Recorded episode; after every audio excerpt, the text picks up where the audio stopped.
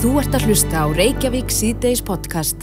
Við fengum til okkur um daginn hann Jakob Fríman Magnússon, þingmann Flokksfólksins, eh, eftir að eh, hann stegi pontu á alþingi og hvati þingheim til að huglega fordómaleysi möguleika sem að félast í kannabisræktun og eh, fór að tala um sko, ávinning þess að stunda innkverfa í hugun. Mm -hmm. Ég spurði hann nú að því í því viðtali, sko, er þetta eitthvað eins og hugleisla vegna þess að ég bara hreinlega þekkt ekki fyrir berið? Nei, svo las ég pistil í morgunblæðinu fyrir hvað tveimundum. Þar var pistil eftir skólameistara Borgaráldsskóla sem talaði um að eftir að skólinn innleiti innkverfa íhugun í, fyrir kennara og aðra starfsmenn þá hafi sérst, kostnar við veikindadaga snar mingaðu með einhverjar, einhverjar miljónir. Já, þetta er allavega þess verði að skoða mm -hmm. og eins og þú sagði ræðan, margir kannski að fara inn í svona ákveðir streitu tímabill, páskafrí. Jú, jú.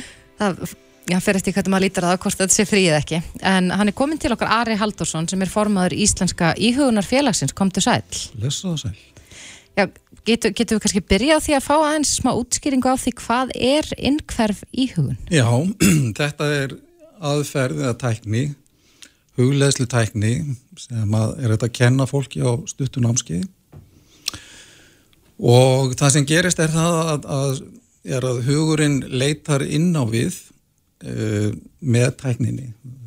Og við sé, skinnjum hljóðaris og hljóðaris við hugans um leið og andeglinn fer inn á við. Og það er, það má líka sko huganum við haf. Mm -hmm. á yfirborðinu eru aldur og aldurgangur og, og hérna og við erum alltaf stötti í þessu róti mm -hmm. dagstælega, við erum alltaf á einhverjum keppast við eitthvað deadline eða framkvæm alls konar hluti í gegnum störfin okkar eða fjölskylduna eða eitthvað slíkt en um, með íhuninni þá eiginlega snýr maður aðteglinni 180 gráður inn á við mm -hmm. og ég áttin að hljóðar í sviðum hugans alveg eins og hafið er, er, er, er svona það eru öldur á yfirborðinu þá er það alveg kyrrt einhver staðar djúft niðri mm.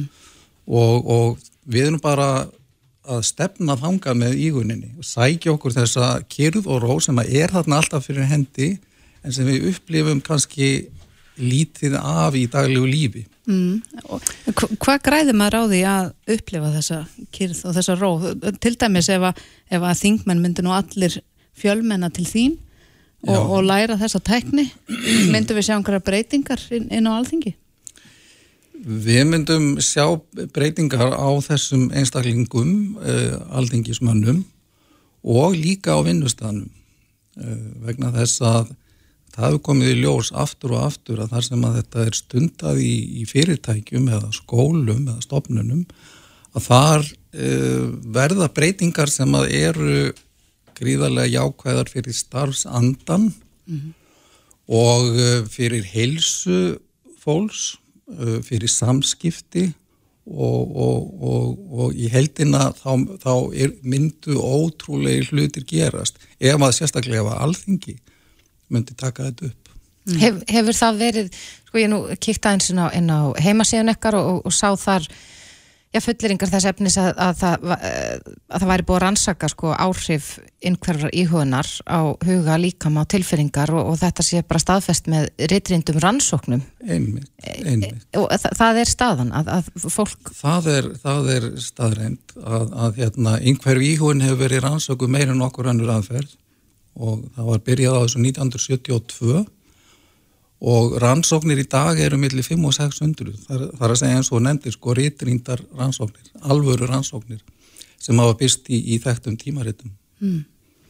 Þannig að þetta er, þetta er þetta er ekki eitthvað kukl eins og einhverjum myndum kannski hugsa þegar þeir heyra orðin einhverf íhún Nei, það er svo merkilegt sko að, að þegar ég var að, að byrja í þessu fyrir, fyrir sko marglöngu einhverjum áratugum ég læriði 1977 hjá, hjá Íslenska Íhunarfélaginu að þá var þetta svona þá var allt öðruvísi að tala um einhverfa íhugun heldur en það er í dag fólk er farið að skilja meira í mhm. dag mm -hmm. út á hvað þetta gengur og mikilvægi þess að að draga sér í hlið í 20 mindu tvis ára dag og, og stunda íhugun þetta er bara orðin sjálfsæður hlutur hins vegar sko með tíman þá líka rugglar fólk öllu saman, það eru alls konar aðferðir í gangi og mýmsar ágættar en, en þetta, þessi aðferð hefur sérstöðu og einmitt sko eins og varst að nefna með rannsóknirnar, hún hefur algjör að sérstöðu að því leiti. Mm -hmm. En nú, nú þekkja margir hugleðslu, hugleðsla hefur verið kannski meira ábyrrandi í umræðinni og, og margir farnir að tilenga sig það að hugleða daglega eða oft á dag. Er, er munur, mikil munur þarna á hugleðslu og svo einhverfri íhun?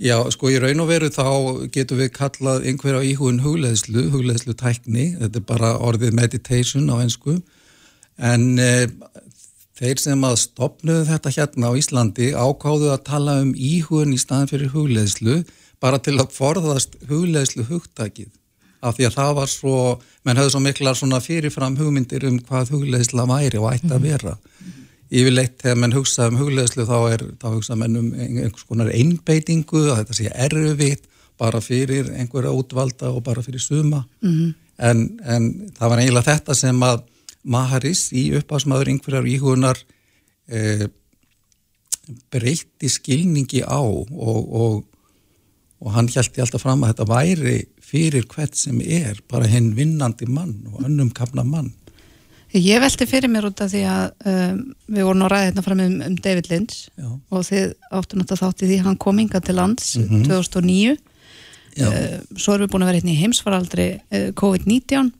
fólk búið að vera mikið heima og leita svona inn á við. Uh, þurfum við samt ekki að vera dugleira að leita inn á við þegar allt er í góðu lægi eða viljum við helst bara leita inn á við uh, þegar allt er í steik og við erum nýkomin úr kreppu Já, þetta er mjög góð spurning. Það er, það er náttúrulega, sko, það er oft uh, einhverju svona ytri kvatar sem að íta fólki út í það að byrja að stunda hugleðslu og oft eitthvað sem að, sko, fólk lendir í einhverju mjög skemmtilegar aðstæður og, og hérna, en ég held bara eins og ég var að segja á hann, sko, að, að almennur skilningur á gildi uh, hugleðslu, á gildi þess að sækja sér þarna kyrð og ró í uppsprettu hugsana þannig stað sem við förum á með íhuninni e, kyrð og ró og, og, og gleði og, og hérna og lífsfyllingu að, að þetta hefur uh, gífulega mikið gildi mm -hmm. En nú er ég fórhundan að vita hvernig fer þetta fram? Er einhver sérstök aðtöfn sem sérst á ákveðin stað eða, eða gætur þú bara reynilega stunda þetta hér og nú? Málið sko, þetta er svo innilega einfalt. Eh, ef þú hefur lært aðferðina einu sinni, þá getur þú stundað hana hvað sem er. Þú þart ekkit annað en stól og ekki einu sinni stól, þú getur setið flötum beinum. En þú situr og þú byrjar að íhuga skam eftir þú vaknar, tegir úr þér og, og áður og færið morgumat og svo aftur setnipartin og það er hægt að íhu í strætó eða, eða, eða hvað sem er. Betra samt að vera svona þar sem að fólk er ekki beinlýnins að trubla mann sko. Já, er, er það ekki bara áskorun að vera í, í, eins og í strætó?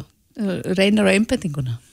Jú, en það er sko eh, ekki gott ef maður er komin djúft inn á við að vera trublaður eh, það er svona eh, það skapast mjög sérstænt ástand við íhunina um, ástand sko, sem er hægt að mæla og hefur verið mælt mm. í þessum rannsóknum sem, og þetta ástand ennkennist af mjög djúbri líkamleiri kvíld og þessi huglæg tækni og þó mm. hugurinn kyrist að þá hægir á allir líkamstarfseminni. Mm.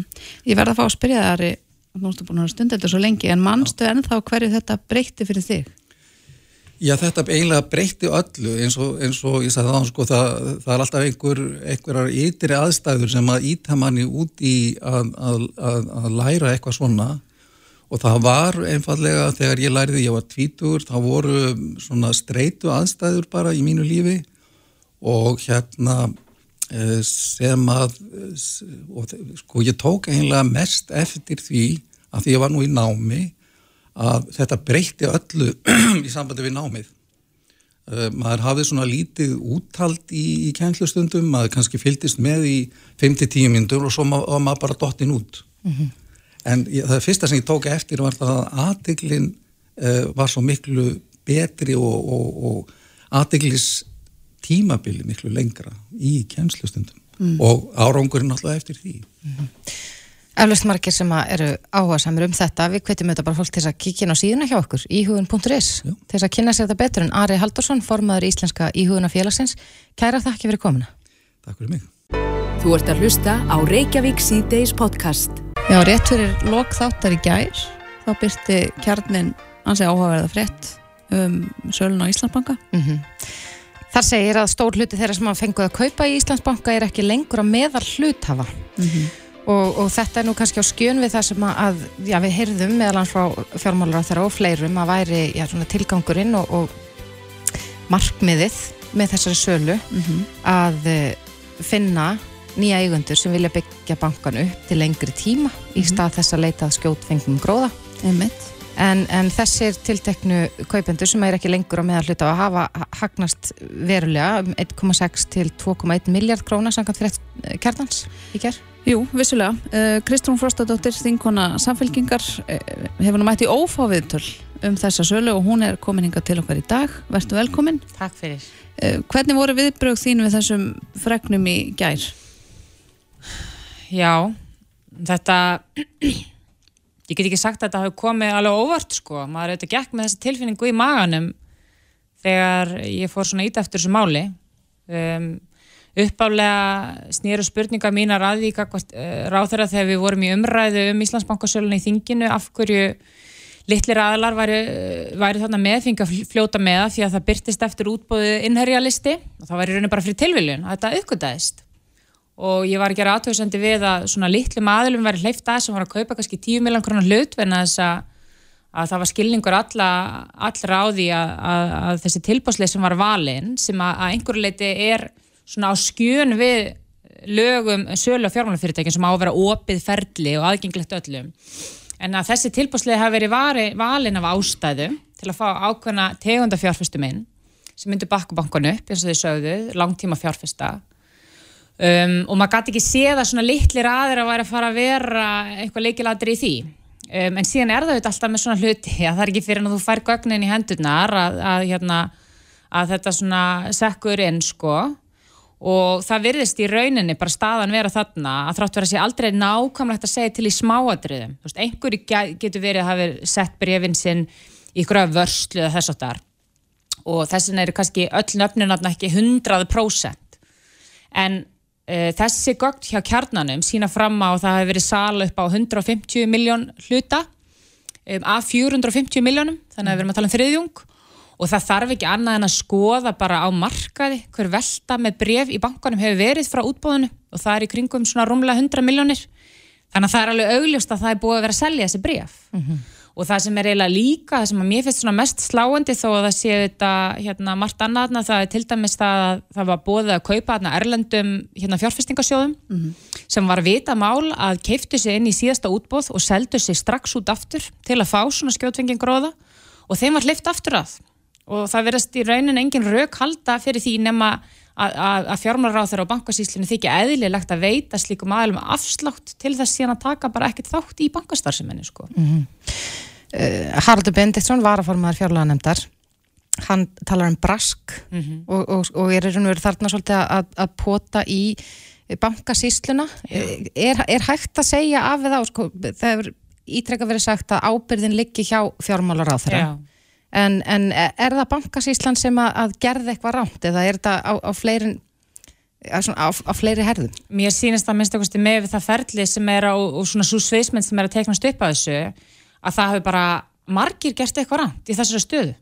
Um, en spurningin er þetta bara hvar höfuð ábyrjun liggur og hver var að leggja línutnar fyrir þetta útbúð og við hefum heyrt þau rauk frá fjármála ráð þeirra að, að hann hefði viljandi stilt bankasíslun upp sem svona fyrirbæri sem er í armslengt frá sér mm og hann hefði ekkert með það að gera.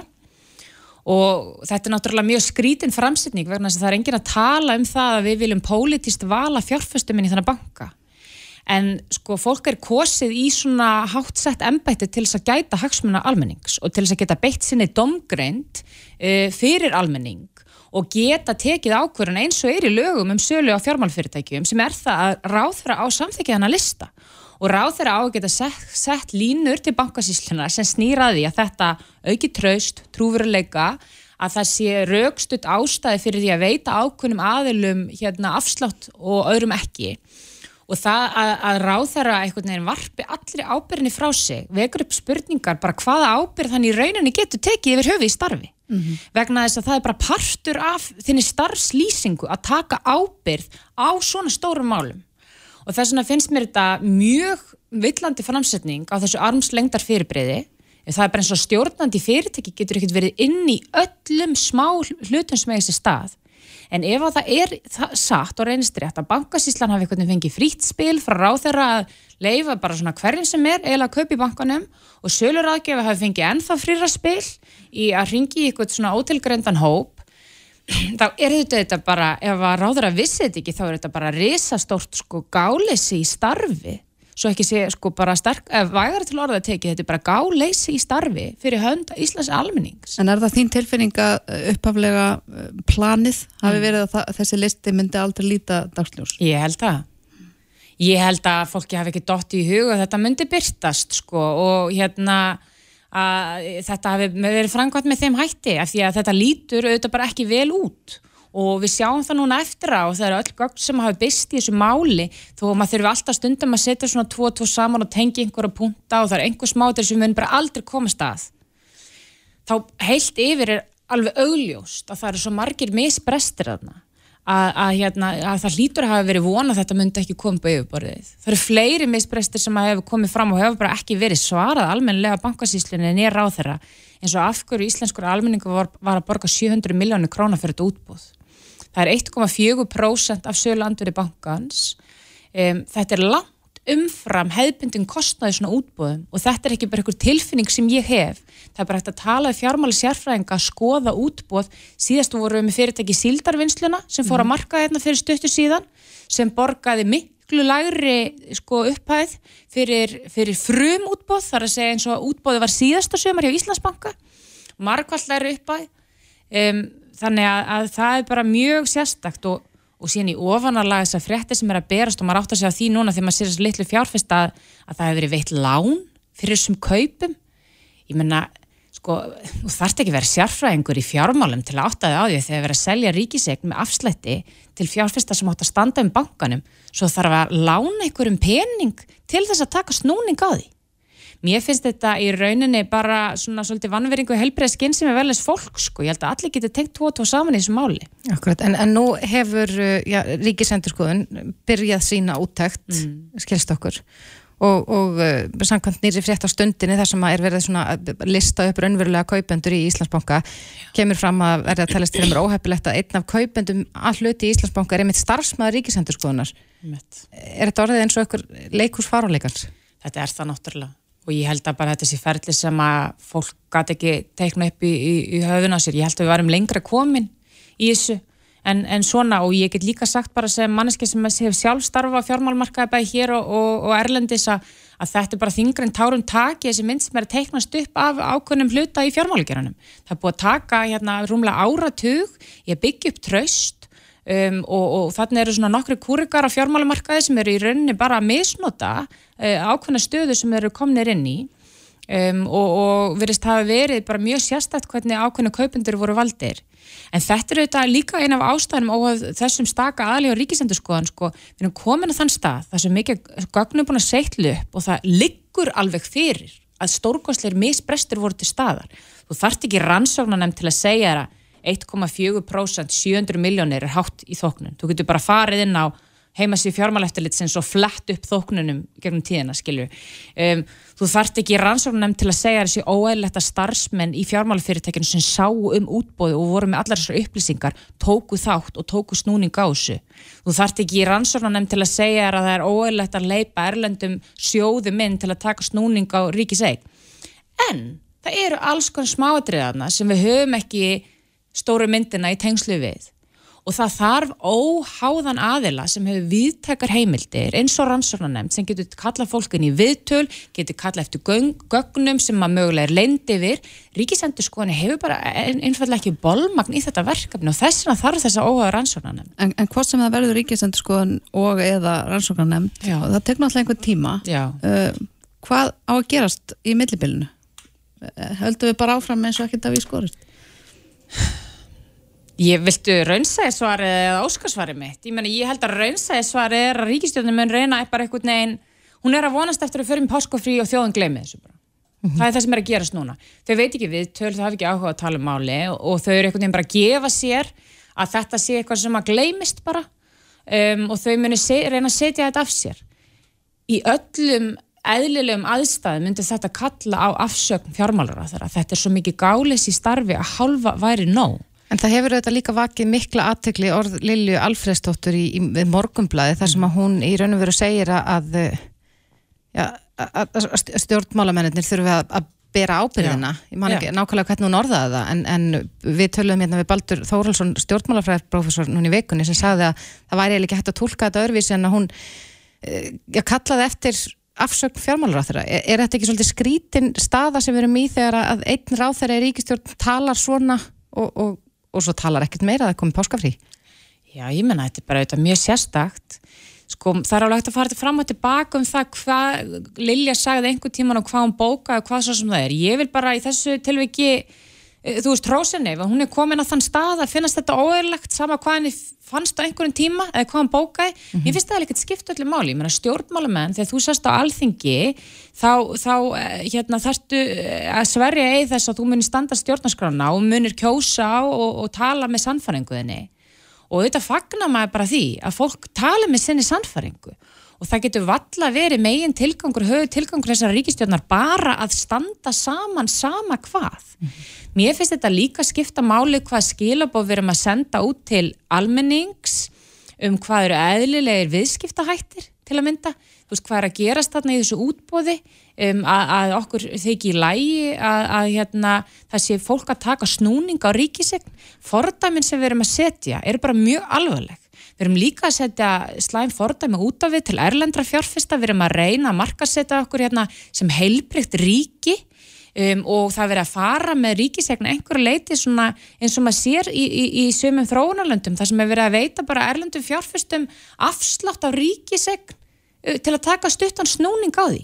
Þetta er rosalega alvarlegt líka fyrir ímynd Íslands og mhm. Íslands verbreyðamarkaðar og þess að það er svo mikilvægt að þetta sé tekið föstum tökum Ég, með við sko ímslegt sem við undan á gengi í þessari ríkistjórn, þá er ég ekkert rosalega bjart sína að þetta minna endarlega býta á þau þess að ég held að þau séu í erfiri stöðu en þetta er auðvitað bara mjög alvarlegt mál og í öllum venjulegum kringustæðum og í, í erlendu samiki þá væri ráð þeirra löngu búin að víkja.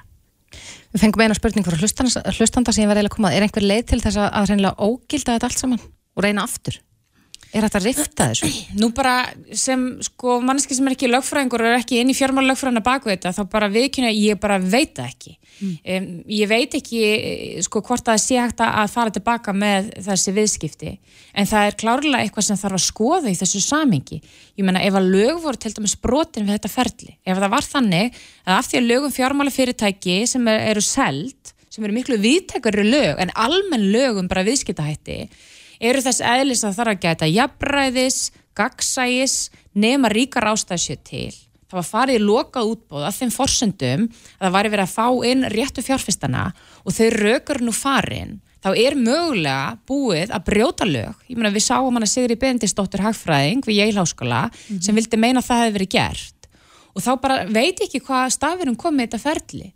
En það liggur að minnst okkarstu fyrir þetta er stór blettur núna á þessari ríkistjórn á, á, á engavæðingu bankana og við erum komin algjörlega á nullpunkt hvað var það að trösta almenningskakvast einhverju frekar engavæðingu hérna á þessum fjármálastofnunum. Einmitt það, við komstum mér ekki lengra í dag. Kristrún Frostóttir, takk fyrir spjallið og gleðilega páska. Gleðilega páska. Þetta er Reykjavík C-Days podcast. Já, þá er klukkan nýmdi gengin í sex mm -hmm. og við ætlum að forvittnast um hugtak sem hefur verið flegt fram ímist tilefni og aðstæður og það er gaslýsing. Já, gaslýsing hefur verið svona, já eins og segir, þetta hugtak hefur dúkkað upp uh, meira og meira upp á síðkasti við alls konar aðstæður og, og ég fekk mér bara skila búið frá nákvæmum aðlægum daginn bara getur við vinsanast útskipt þér með hvað gaslýsing er og ég gata nú ekkert algjörlega sjálf þannig ég fann grein á netinu uh, sem var skrifuð í fyrra sem heitir gaslýsing, siðlaus samskiptatækni í nánum samböndum. Og það er hún Hrafnhildur Sigmarsdóttir sem er ráðgjafi hjá stígamótum sem að skrifa þessa grein, gaf sér nátt aðra grein núna um daginn sem heitir sko gaslýsing voljum 2, þannig að það er aldrei um nóg að eh, ræða en Hrafnhildur er sest hjá okkur, kom til sæl. Takk, sæl. Við ættum kannski bara að byrja á að spyrja þig um orðið sjálft. Um, hvaðan kemur þetta orð, gaslýsing? Já, það eru margir sem spyrja því. Uppbrunni orðsins er mjög áhugaverður. Um, orðið gaslýsing er bara í raun tilvíljanakent og ekki í raun lýsandi fyrir hegðunina sjálfa. Þetta er tilvílisun í leikrit frá 1938 og leikritið gerist í húsi yfirstættu hjóna í Breitlandi þar sem einmaðurinn svona beit rýmsum ráðum til að telja eiginkonu sinni trúum og hún sé bara verða veik og geði og hann gerir þetta til að komast yfir penningan hennar. Hann felur eigur hennar, hann hækkar og lækkar í gasljósum heimilisins, hann þykist síðan ekkert vita og ekkert skilja og svo hann haldi bara hún sé að missa vitið.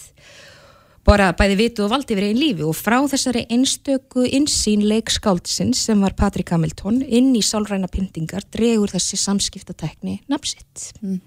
Gaslýsing. Gaslýsing. Þannig að, já, eins og segir, tilvíljana kent. Um, hva, hvað er þetta nákvæmlega? Er, er þetta sama að ljúa og, og pretta eða vera með einhvers konar yfirklór eða... Þetta er í rauninni aðeins meira því að gaslýsing, sko ég veit að helst verið að skrifa um gaslýsing út frá nánum samböndum en svo eru náttúrulega bara umvendingar í íslensku þjóðfélagi núna þar sem við sjáum að gaslýsing er eitthvað sem er hægt að yfirfæra á langtum fleiri um, rými nokkuð tíman en nánum sambönd. En ég veit að helst verið að skrifa um þetta út frá nánum samböndum og þetta er í grunninn siðlaus samskiptatækni. Um, og þetta er oft beitt sem vopni í nánum samböndum og getur verið gífulega hættuleg geðhilsu þólenda. Markmið samskiptana er að þólandin fara að efast um sjálfan sig og upplifanir sínar og er það í raun þunga meðjan í samskiptatekninni. Þólandin uh, upplifir stöðut áðvurstand óvissu og óeryggis. Hann missir sjónar á hver hann er, hver mörkin hans liggja og í raun hvað hann stendur fyrir. Og þar af leðandi er auðveldara að stýra þólendunum og stilla upp sangkvæmt hinsmynd gerandans. Um, Þólendarnir upplifa sér kjölfari bara frekar áttavilta þegar ég er erfitt með að taka ákvarðanir. Margir upplifa uh, rosalega skömm og bara trúa því staðfest að þeir séu jafn erfir í samskiptum og gerandin telur þeim trúum.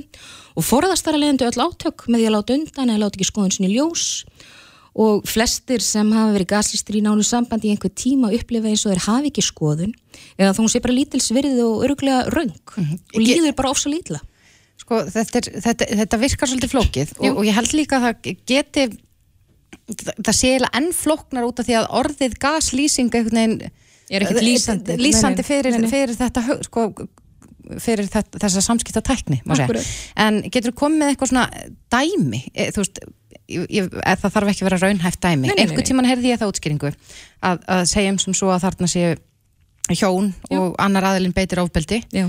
að, að, að gaslýsingin er það fólkin í því að, að ofbeldismanneskjan segir þú hefðir ekki átt að reyta mig til reyði ég hefði aldrei lagt á því hendur ef að þú hefðir ekki gert þetta Já, þetta er rétt, sko, gaslýsing er bara ein byrtingarmynd af andlegu ofbeldi og hún er samskiptatækni þeirra sem beita andlegu ofbeldi.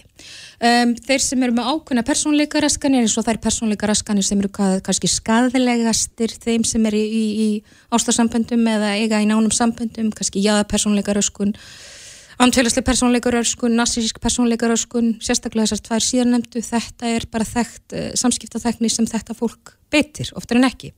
Um, sko, kannski best að útskýrta þannig, veist, ef að fólk er að velta í fyrir sér, er verið að gaslýsa mig, þú veist, hvað eh, gefur til kynna að hugsanlega að, að það sé verið að gaslýsa þig.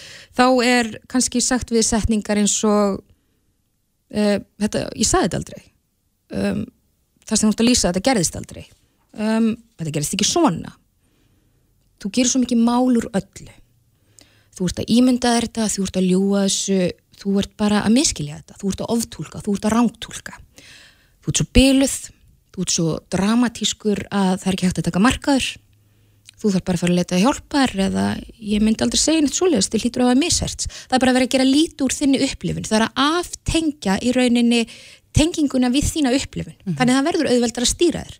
Þú ferða efast og það er í eðlokkar þannig því að þegar við erum í nánum ástarsömbundum eða í kunnugum rýmum uh, taugakerfi okkar í þessum rýmum er ekkert forritað til að meta hættur. Þannig að þegar einhver sem þú elskar eða ert í daglegum samskiptum við, einhver sem á að vera örugt rými segir, segir eitthvað óæðilegt við þig þá ferðu bara þitt fyrsta viðbræður, já ég kannski er að gera eitthvað mikið úr einhverju.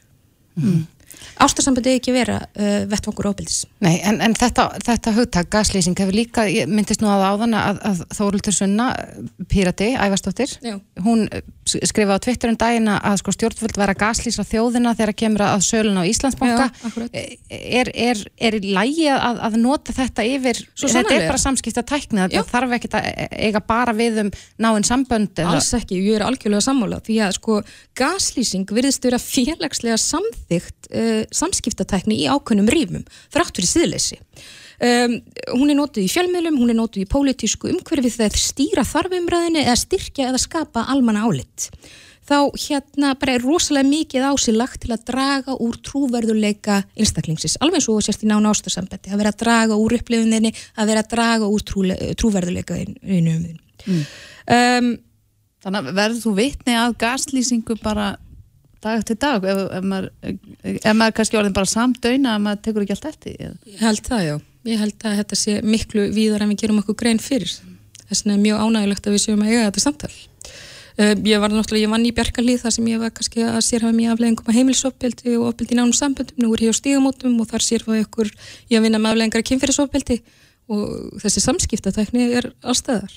En talandi út frá pólitísku umhverfi, um, sko óháð vettvangum hvort að, sko, hvort að við erum að tala um náið ástarsamband eða flokkapólitík þá er tilgangur samskiptatækninar að styrkja heimsmynd og ímynd þess sem beitir þessari samskiptatækni og öðlast yfirráð yfir skoðanamótun annara og þar að leiðandi hegðun og það er hættulegt.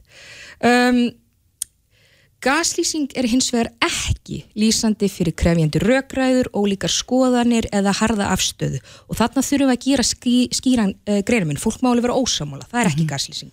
Já, þannig við eigum kannski ekki að fara að nota orðið gaslýsing bara við í hvert skipti sem maður er ósamála einhverjum. Nei, Bara er ekki, ert alls ekki, þá gaslýsa mig. ekkert erindi þar. Nei. Það er ekki að vera, að vera ósamála einhverjum er ekki siðlu samskiptaþegni, það er bara að vera ósamála og Mhm. geta fært rauk fyrir sínu. Um, í pólitísku umhverfi er gaslýsing hins vegar uh, félagslega samþygt samskipta vorum þrátt fyrir þetta augljósa siðleysi. Um, og þegar við erum að skoða út frá pólitík þá erum við að tala um afvegaleiðingu orðræðu eða staðrenda. Um, það er rosaleg um, ofur áhersla á að hengja sig á aukaatriði eða smáatriði. Um, fólk bara lígur, um, fólk uh, gerir ímislegt til að færa aðteklina frá því sem raunverulega er að eða raunverulega þarf að ræða og síðan er bara eh, algengt að fólk neyti sök og, og, og nýr eh, veruleiki að atbyrðar á sér myndu sem henda málstað geranda hverju sinni og það er eiginlega áhugaverðast að skoða þetta út frá stjórnatíð Trumps ef að ég má fara þangað. Hann, er, hann er mikið áhuga uh, hérna, ég er mikið áhuga fyrir honum en hann er ekki út frá leiðtóahefni sko gaslýsing myndi ég segja hafi verið rosalega ábyrrandi í stjórnatíð Trumps. Um, hann er frábært dæmi um gaslýsingu í politísku umhverfi. Orð hans voru venilega bara ásangandi í garð annara og án allra ábyrðar og þrátt fyrir augljósan samnefnara sem var hann sjálfur var sökin aldrei nokkuð tíman hans og, og svo fjärstaðu kendar voru yfirlýsingarnar og hegðun hans oft á tíðum að fólk bara hreinlega brást ekki við að því að upplýsingarnar voru bara algjörlega og fjärstaðu kendar fyrir taugakerfi eðlilegar til að vinna úr og hann gerði þetta alveg svakalega vel um, flestir, ef ekki allir minnum mig upplýsingafulltrúar kvítahúsis í hans fósitatíð voru einni með þessa tækni, bara nelda niður. Um, þetta, þetta er gert til að lama fjöldan mm -hmm. halda honum annarkvort í óvissu eða hrættum og þar að leiðandi er auðvelt að stilla þær upp og stýra þær. Um, Þannig að þetta er svona, minnir þá á einhvers konar tekni hjá einræðisherra. Um, já, já, já, algjörlega. Fólk sem eins og, einræðisherrar hafa ofta en ekki svona sína sterk sjálf hverja venginni sem á reyka til persónleika raskana. Þannig já, klárlega. Um, það var mynd á Netflix sem hétt hérna 2020 og hún var algjörlega frábær og hérna það var uh, leikonansileg hérna Phoebe í Friends, Lisa Kudrow hún brá sér í líki bara allra upplýsingafulltrúa kvítahúsis í stjórnatíð Trumps og hún gerði þetta svo fáránlega vel og sko þar afvega leiður hún umræður og staðrendir, hún afbakar í vísindalega þekkingu, hún segir eitt og þvertekur fyrir að hafa sagt það hálfur mínútu setna og svo samfæri þetta hátt og maður fæ bara sjálfur um að efast hvað hefði átt sér stað. Um, þetta er bara algjörlega í takt við það sem var að gerast. Algjörlega, alltaf verið að skipta um upplýsingafulltrúa alltaf þessi óvissa, alltaf þessi flækjusti þannig fólk er óörugt um, ef við ætlum að yfirfæra þetta á það sem er að gerast kannski í íslensku þjóðfélagi núna, þá er svolítið áhugavert að skoða þetta út frá þessu Íslandsbanka útbóði en ég las grein á vísi ég held hún hafi byrst í gæðir um, ég man ekki alveg hvað greinin heitir en hún á að vera skildu lesning, þetta er eftir hana þingmannin hérna Kristrúnu Fróstadóttur Já, hún var hérna hjá okkur aðan frábært. Þannig að við erum aðeins búin að fara yfir sölun á Íslandsbanka en, en, en, en, til þetta að skoða út frá gaslýsingu þá hérna eh, bara, ég bara óska þess að allir lesi þessa grein því að náttúrulega eh, megin atriði í gaslýsingu er að halda hlutum flóknum og í þessari grein sinni þá bara fer hún yfir staðrendir og ofsalega skýran og skilmerkilegan og bara auðmeltanlegan hátt. Um, þar kemur fram í þessari grein að nú hafa bers, eh, byrst gögg sem benda til þess að rúmlega, að þessum rúmlega 200 fjárfestum sem keiftu í útbóðinu hafi um 130 aðilar komið inn fyrir einhvern gróða og þessir 130 aðilar fengu úthlutað einhverjum 35% af hlutunum sem til sölu voru á einhverjum mega afslætti. Svo byggði þessir aðilar í bara nokkra sólringa og seldu sig svo út úr bankanum og hagnaður þessa fjárfesta var líklega samkvæmt þessari greininar um 1,5 miljardar króna. Hefðu við ekki glöð vilja nota þetta í heilbyrðiskerfi frekar? margir hafa akkurat bent á það Já, og þannig bara verið með gaslýsingu að mínum mati að arðræna íslenska skattgreðendur, bara arðræna íslenska þjóð. En á sama tíma, og þetta er að gerast, þá kemur um, fjármálar á þeirra í hérna, að því við ætlum að tengja þetta við gaslýsingu. Þannig þetta er hegðunin, þetta er það sem gerðist. Þá kemur fjármálar á þeirra í, í viðtal á morgni þessa útbóðsdags og segir að hort verði til þess að nýjir eigundur vilji byggja bankan upp til lengri tíma í stað þess að leita skjótfengnum gróða. Meðan við það sem var sagt og meðan við það sem var gert, þá er þessi yfirlýsing lígi. Akkurat.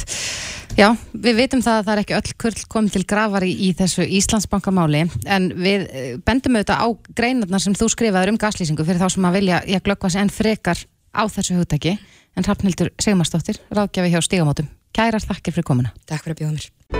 Þetta er Reykjavík C-Days podcast.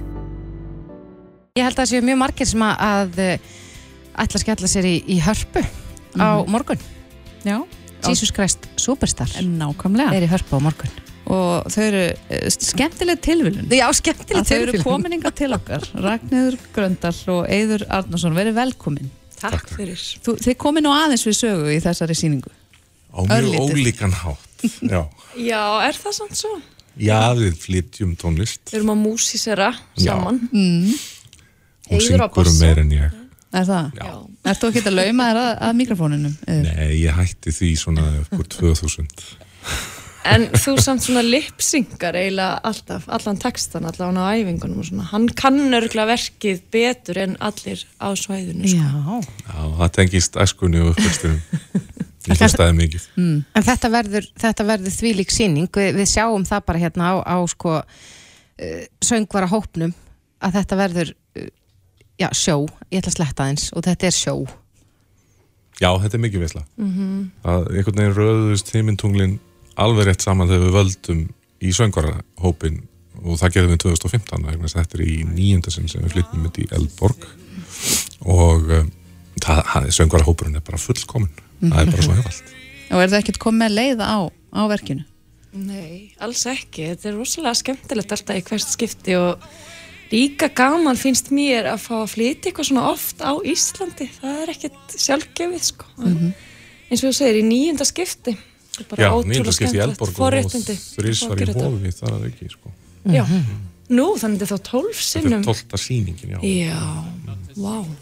Á síðu árum. Eins og ég segi, hver einasta fruma í líkam okkar allra hefur endur nýjast á þessum sjö árum. nákvæmlega. Margóft. Þú veist, Þannig að það er búið að gera þetta ansi oft. Við Já, heyrum nú í tónunum hérna undir. Vissulega. Ég veit að Bræi er, er mikill aðdáandi Jesus Christ Superstar.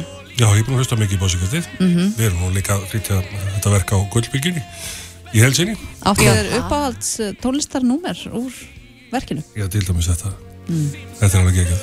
Það er ekki Þór hérna, Ingi sem að syngur? Jú, jú, þetta er upptakað frá 2015 sem Eithú syngur þetta ótrúlega magnaða nummer Getsemani Þetta er frábært. En uh, Ragnir, þú ert Marja Magdalena Mhm. og, og gerir það með glæsi brag, býst ég við. Ég er bara frekar fúl að vera að fara á austur. Það er verður ekkit Jesus Christ Superstar nefnum mögulega á Vaffa S fyrir austan. Það þú bara horfa á sýningun á YouTube eða sérst ekki okkar endar en það er Já. hérna til kvikmynd frá 1973 þar sem að, já, Marja Magdalena og Jésu og Pilatus og öll koma við sögu en það er náttúrulega miklu betra að koma til okkar. Þeir sem geta sko. Ég býst við því, ég fór nú á þessa uppsetningu. Bræði, þú kannski manst hvenær það var. Þá var Guðrún Gunnars í þínu hlutverki Ragnar Já, hver man ekki eftir því? Það var nú bara svona ákveð breykþrú held ég fyrir marga íslenska söngara og söngkonu sérstaklega að heyra hana syngja þetta á íslensku. Ég man mjög vel eftir, ég verið svona áttara og maður bara, hver er þetta? Þetta var, og, og hún var eins og engill. Já, bara, óh, svo fallegt. En sko þetta er svo kraftmikil síning. Svakalegur kraftur, eru þið ekki döð uppgefin eftir svona síningu eða?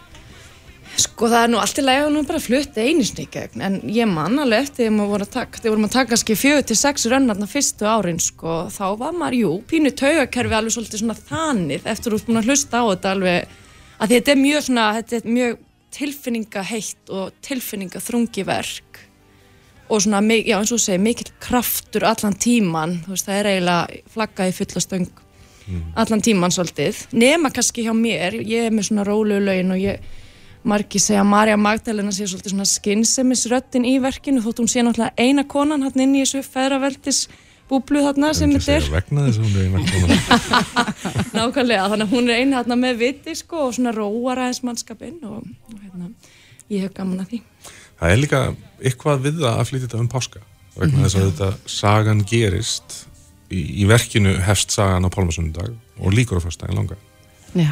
þannig að það er þú veist það er ákveðin ókastir fullt af fólki í suma bústöðum sem kennst aldrei að sjá til okkur Akkurat. en, en móti það er- ferðahelgi. já, mjög svo, en á móti er það þessi, þessi upplifun að vera stattur á skýrdag að verða vitnið að þessum þessari frábæri tónlist Mhm. og þessari sögu sem á að vera að gerast akkurat á þessum dögum sko. En Eldborgarsalun, þetta er náttúrulega svakalegt, harpa bara sem slíka, glæsileg í, í, í svona tilgangi. Er, er vel selt á þetta? Er, er orðið uppselt á sýningunum morgun? Eða getur fólk enn nælt sér í miða? e, það eru lausum miðar Það eru það er lausir orðið mjög, mjög þéttsetið Já. en það eru samt lausum miðar og sveimir þá bara held ég á öllum verðsvæðum en það er afskaplega náttúrulega mjög stór salur Já, hann Já, er já. það. þetta er 1500 manna salur sko. en er þetta ekki bara orðið samt fasti núna ef að Þórtís er náttúrulega að fara í ferðalag Já, já. Kemur hún ekki bara næsta ári vitum við það eitthvað? við vitum það einhvern veginn aldrei alveg hvort að gera þetta aftur ári en líklega hvað segir þú eitthvað? ég er alltaf til Raka, ert þú laus eftir ár? já, örglega En eigið þið ykkur, ykkar uppáhalds svona brot úr þessu verki? Er eitthvað sem er einstaklega skemmtilegt að spila eða syngja á sviðinu? Sko mín lög eru öll bara ótrúlega skemmtilega og svona þægilega, þetta eru svona lög, þú veist, ég er ekki með mikið svona eins og kalla í óperu tungumálið svona resitatíft, þú veist, þessi það sem ég er að tala voða mikið heldur, þetta er meira svona lög eins og ariur, þetta sem ég syng, en ég held rosa mikið upp á lagið hérna Pilot's Dream, já, þetta er svo flottu texti, þetta er svona, Hver er syngur það? Björn Jörundur syngur það, Pilatus. já, við höfum, já, við höfum eiginlega ekki sagt frá því hverju eru í þessum Nei, Nei, aðeins yfir þetta. Við, við, Eithor Ingi, hann er, er Jésús. já, hann fættist Og- til að syngja Jésu Já, hann fættist til þess. Já, og Þór Breiðfjörð er, er Júdas besti vinur og besti óvinnur hans. Og er alveg stórkostlegur í svo hefur reyndar, hann var sko þú, þið nefndu nú aðan uppfæslanir sem Guðrún Gunnars söngi í 95 í mm Þór Breiðfjörð var þar varamaður Steppa Hilmas Hættus. sem Jésu þannig að hann er með 25 ára reynsli að syngja þetta hlutverk Já, há, æðislegt. og Ragga er Marja Magdalena. Uh, Magni er Símonarnir tveir, Símon Vandlætari og Símon Pétur. Og uh, Jóhann Sigurðarsson er, er Kajafas, einn af æðstu prestunum. Og Björn Jörundur er sérst Pilatus og í fyrsta skipti er með okkur núna Gói, Guðjón Davíð Karlsson leikari. Og hann syngur hið furðulega lag King Herod song og þar er leiðandi leikur hann hlutverk Herodesar. Þetta er stjórnu lið. Það er alltaf svolítið skemmtilegt hlutverk finnst mér, vegna þess að það er eiginlega enginn sem gerir það eins, það er ekki alveg beint svona ykkur standardleið finnst mér til að syngja það hlutverk. Já, það er svo mikið uppbrott í verkinu Já. það er svo komist lag. Það er bara svona lag sem hefði getað verið búið til 1920 eitthvað. Og verið flutt á kabarettsýningum Páll Óskar náttúrulega söng það á sínum tíma Já, í íslensku uppsetningunni. og svo sér maður Varabæðurinn hann hans var Egert Þóleson Akkurat, akkurat. Og hann hefði vist gert þetta allt öðruvísi. Þú veist þegar hann hoppaði ekkert mann inn í síningu þá var hann mætta með boxhanska þannig að það er, já ég er mjög spennt að sjá hvað góði gerir sko. Já, Gói var alveg heiminlífandi þegar að við náðum samband og báðum hann um að lesa Óla Egils af. Óla Egils hefur alltaf svona getað hengað til þetta Mhm. hlutverk. Og hann spurði hvað ég að borga ykkur Þannig að hann hefur kannski bara haldið að þetta væri brandar eða hvað. Já, já, ég hef ekki segja það bara Mm. Já, en, en ég ég ef- efast ekki um það að einhverjir það núti sem er að hlusta núna vilji fara og eru kannski ekki ennþá búin að næla sér með það, þá bara hvetjum fólk til þess að tryggja sér með á þessa frábæru síningu í eh, hörpu á morgun, skýrdag Ragnhjóður Gröndal og, og Eður Arnason kærar það ekki verið komin og gangi ykkur vel og við ætlum að- heyra smá brot hér núna you, like this. This was unexpected. What do I do now? Could we start again, please? Could we start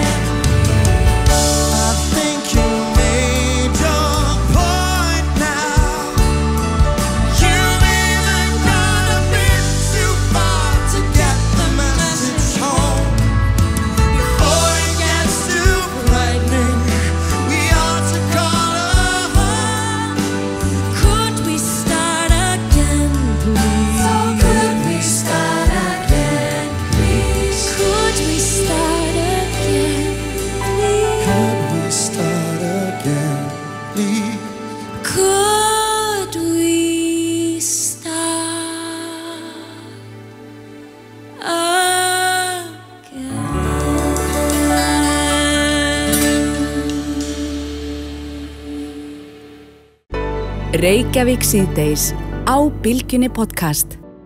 Jæja, nú ætlum við að snú okkur aðeins að því að samböndum. Mm Fjölástir og fjölástarsambönd hafa verið ábyrrandi í umræðinu undanfarið og síðustu helgi byrtist frétt á, á stöð 2 um fjölástarsambönd og það vakti miklu aðtegli og uh, ég, mér finnst svona eins og þegar þetta ber á góma að fólk hefur ápaslega miklu skoðanir á þessu.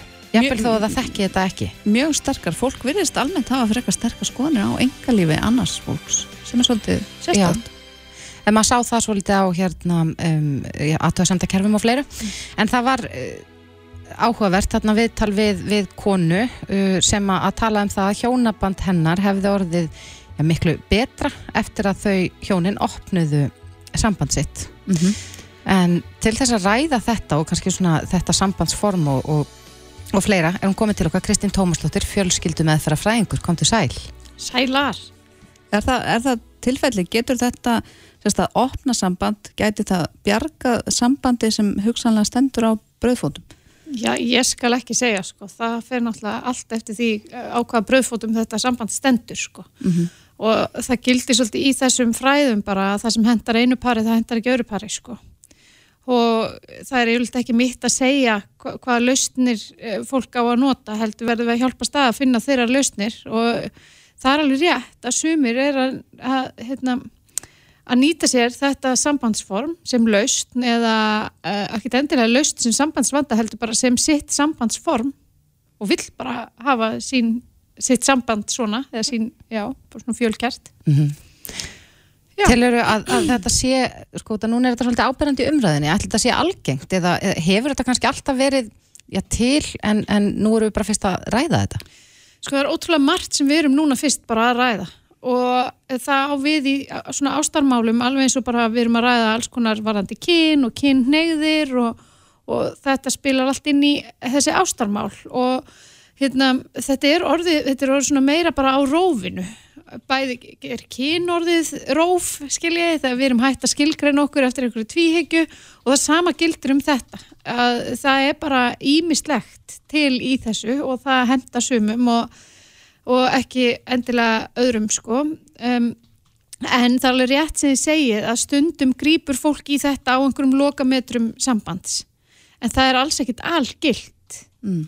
Og, og hérna, það er bara svona ein útfæsla sko En hvernig virkar það, sko, ég ímynda mér að ef að par ákveður að opna sitt samband að það þurfa að vera einhvers konar reglur í gildi. Er það svo? Já, allan að þau samband sem ég hef verið að vinna með, ég veit ekki hvort ég svaraði spurningunum ykkar aðan, þetta er alveg daldið algengt sko, maður er alltaf að sjá þetta meir og meir og ég hef verið að vinna með pör sem eru fjölkær og það er bara uh, allur gangur á því hvers konar reglur fólk setur sig en þetta er svolítið svona skilgrinningar atri og sumir eru með svona, uh, sko svona aðalmaka, ef maður orða það þannig og, og svona kannski eiginmann og kærasta. Eða þið svona, e- einn, einn makin er sá maki sem þú býrð með uh, og svo áttu einhverja svona sem þú hittir við og við. Og það getur verið, þú veist, romantíst ástarsamband eða bara eitthvað kynferðslegt samband eða, ég veit ekki, bara alls, allskins örgla hérna, skilgrinningar á því, sko. Já, þetta er, þetta er eh, eins og við sagðum á hann, þá verðist fólk hafa mikla skoðanir á þessu. En uh, og fó- fólk er líka forvitið um þetta. Ég held að það sé svolítið það sem er að koma upp á krafsuna á allir þessari umræðu að, að eh, já, margir spyrja spurninga og, og vilja svona einhvern veginn kafa dýbra og, og, og vita hvernig þetta er og, en maður velti líka fyrir sér uh, er, er, þarf ekki að vera mikið tröst á milli einstaklinga ef að, ef að par þar núti er að íhuga að opna sitt samband? Þarf þetta ekki að vera byggt á, á einhverjum tröstum grunni?